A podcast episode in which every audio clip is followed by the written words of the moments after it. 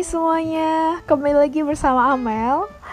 Ya, yeah, it's been a long long time since I made my first podcast. Kayak udah lama banget aku nggak bikin podcast, mungkin hampir setahun. Karena jujur, aku nggak ngerti mau ngobrolin apa atau kayak bener-bener belum ada subjek yang matter yang pengen aku sharing ke kalian gitu. Dan ya, selamat mendengarkan suara Amel kembali yang katanya menjadi pengantar tidur. aku nggak tahu apakah suara aku semerdu itu kah sampai bikin ngantuk. ya, jadi aku mau cerita dikit ya. Um, beberapa bulan terakhir semenjak adanya pandemi COVID-19 banyak hal yang um, berubah di kehidupan aku. Mungkin di kehidupan kalian juga sama.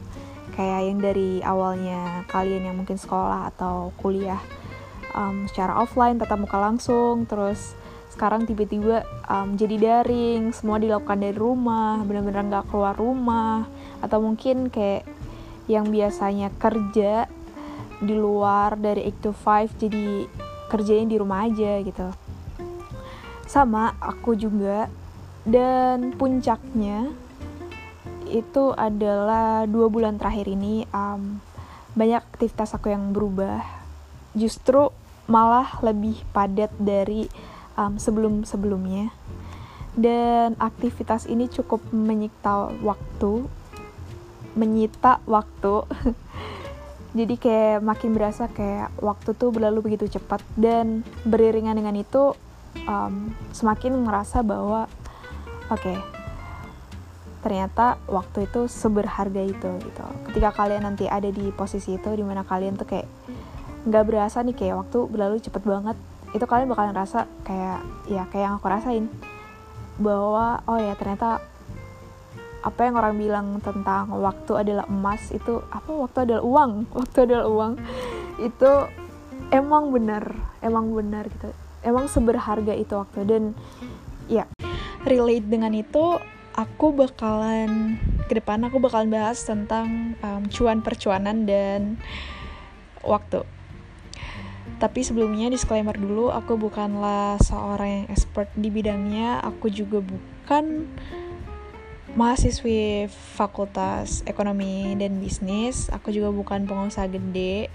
Jadi all that I gonna say uh, sampai akhir episode adalah pure karena pengalaman aku sendiri gitu. Ya, bisa dibilang pandemi COVID-19 ini nggak cuma bawa dampak negatif, tapi juga bawa beberapa dampak positif. Misalnya kayak kalian yang biasanya nggak pernah punya banyak waktu luang untuk bisa doing something new, karena harus kerja dari pagi sampai malam, harus kuliah dari pagi sampai sore, yang nggak pernah punya banyak waktu luang, jadi bisa punya banyak waktu luang untuk doing something new yang bikin kalian um, makin berkembang gitu. Misalnya kayak yang biasanya nggak pernah bisa jahit jadi bisa jahit. Yang biasanya nggak um, pernah bisa masak jadi bisa masak. Bahkan ada memes yang bilang um, lulusan pandemi covid-19 ini setelah ini bakalan banyak yang bisa jadi chef. Bikin dalgona coffee lah bikin cake lah dessert lah. Ya menurut aku itu adalah hal yang bagus gitu. Karena ya bisa dibilang kita jadi berkembang dari yang dalam artian dari yang kita nggak bisa jadi bisa. Dan itu positif. Terus misalnya lagi adalah memulai bisnis. Mungkin banyak dari kalian yang berpikiran bahwa um, ah di masa kayak gini pandemi kayak gini nggak bisa buat mulai bisnis gitu. Karena ekonomi lagi turun nggak bisa nih kita mulai bisnis sekarang. Menurut aku malah um, ketika ada banyak pintu-pintu bisnis yang tertutup justru bakalan ada pintu-pintu baru yang kebuka. Kayak misalkan jualan masker kain atau misalkan jualan makanan sehat. Nah karena banyak pintu-pintu bisnis baru yang kebuka ya maka kita perlu untuk apa ya memulai gitu.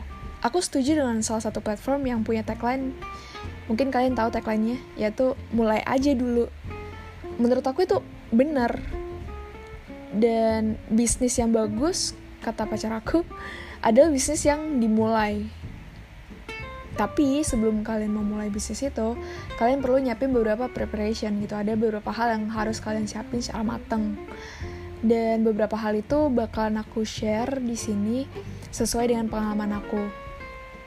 Uh, once again aku bukan seorang expert tapi um, ini adalah beberapa apa ya uh, tips yang aku yakin bakalan berguna buat kalian yang baru mau mulai bisnis. Yang pertama, sebelum kalian memulai satu bisnis adalah ya kalian harus tahu kalian mau mulai bisnis apa. Ya nggak sih? Karena ya ya make sense gak sih kalian mau mulai bisnis tapi kalian nggak tahu mau bikin bisnis apa. Kalau kalian nggak tahu mau mulai bisnis apa, um, coba mulai dengan sesuatu yang kalian suka dan kalian bisa uh, kalau misalnya kalian suka crafting dan kalian bisa crafting coba bikin bisnis yang berhubungan dengan crafting kalau kalian suka masak dan kalian bisa masak coba uh, membuat bisnis yang um, berhubungan dengan um, makanan misalnya Kenapa aku nyaranin kalian buat memulai bisnis yang kalian suka dan kalian bisa? Yang pertama, kenapa kalian harus suka? Karena um, ketika kalian um, memulai bisnis itu nanti dalam perjalanannya itu bakalan ada ups and downs-nya gitu. Bahkan bakalan lebih banyak downs-nya di, di pertama-tama. Dan kalau kalian gak suka dan kalian gak menjalankan dengan sepenuh hati pasti kalian bakalan gampang nyerah dan bakalan kayak gak punya semangat untuk apa ya ngejalanin itu gitu. Dan yang kedua kenapa kalian harus bisa mungkin banyak di luar sana yang mereka nggak bisa tapi bisnisnya bisa jalan. Misalkan mereka nggak bisa jahit tapi um, mereka bisa ngejalanin bisnis fashion kayak gitu. Memang bisa tapi uh, di sini kalian perlu cost lebih untuk um, ngejalanin itu. Misalnya kayak kalian nggak bisa ngejahit kalian perlu orang buat ngejahit dan itu butuh cost lebih untuk membayar tenaga misalnya. Sedangkan kalau kalian bisa ngelakuin itu sendiri, kalian bisa ngepres atau memangkas duit kos itu menjadi lebih murah. Itu adalah tips untuk kalian yang gak pengen punya kos banyak. Mungkin bakalan ada yang protes, tapi Mel kan bisa pakai sistem reseller atau dropship nggak perlu susah bayar tenaga atau modal gede Memang benar, tapi tips yang aku sharing kali ini adalah tips untuk kalian yang pengen bikin bisnis dengan produk kalian sendiri, dengan brand kalian sendiri, bukan um, ngejual brand orang lain atau produk orang lain gitu. Tips dari aku yang kedua adalah please find a partner and make a team. Jangan pernah kalian mikir kayak dengan kalian punya partner ah ntar jadi cuannya kebagi-bagi, jadi dapat untuknya cuma dikit jangan pernah kalian mikir kayak gitu karena menurut aku pemikiran kayak gitu tuh pemikiran yang cukup selfish. Ya padahal dengan kalian punya partner jadi bakalan ada yang nge-backup kalian dan justru malah bisnis itu makin apa ya bisa di-expand makin luas. Karena ya dari link ke link dari relasi ke relasi. Dan carilah partner yang um, kalian benar-benar percaya dan kalian bisa andelin. Misalnya kayak adik kalian atau kakak kalian atau sahabat kalian atau pacar kalian. Ngomong soal pacar sebenarnya pacar tuh bisa jadi um, best partner to make your own business ya. Karena ya dengan kalian memulai bisnis dengan pacar kalian sendiri itu atau pasangan kalian itu bisa melatih ego kalian dan juga um, bisa bikin rutinitas kalian yang sebelumnya cuma bisa ngabisin duit jadi bisa earn money dari pacaran nah pacarannya positif nih bikin bisnis gitu Tips yang ketiga, kalau kalian udah tahu ide bisnis kalian, pastiin lagi pangsa pasar kalian siapa. Apakah orang tua, apakah anak-anak, atau remaja. Karena ini bakalan berpengaruh banget ke promosi kalian. Jadi, uh, pastiin lagi promosi kalian itu sesuai dengan uh, target pasar kalian. Tips yang keempat, coba posisiin diri kalian sebagai seorang customer. Apakah dengan produk kalian ini si customer bakalan ngerasa puas? Apakah bakalan ngerasa bermanfaat? Dari situ kalian bakalan dapet um, insight baru yang bikin produk kalian jadi lebih maksimal. Tips yang kelima, make your own branding to your product. Kayak misalkan produk kalian ini dikenal dengan apa? Apakah dengan keunikannya? Apakah dengan murahnya? Apakah dengan kualitasnya? It depends on you, tinggal kamu maunya kayak gimana yang terakhir kenapa sih dari tadi aku seolah-olah ngepersuat kalian untuk um, memulai bisnis kalian sendiri karena dengan kalian memulai bisnis kalian sendiri ya kalian akan belajar gitu nggak cuma belajar soal cari duit atau cari cuan tapi juga belajar banyak hal. Kayak misalkan konsisten misal um, manajemen waktu kedisiplinan ulet tahu rasanya kerja keras. Banyak banget hal yang bisa kalian pelajarin dari kalian memulai bisnis atau memulai usaha. Kalau kalian takut gagal aku cuma udah ngasih tahu gagal itu pasti pasti ada possibility-nya gitu. Dan ketika kalian gagal mungkin kalian akan rugi secara material atau secara uang.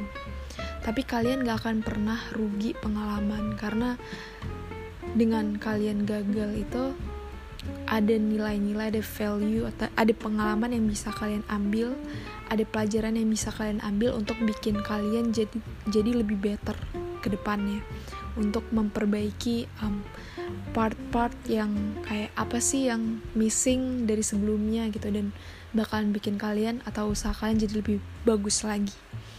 Kayak gitu. Oke jadi segitu dulu dari aku. Makasih banget karena kalian udah dengerin sampai detik ini.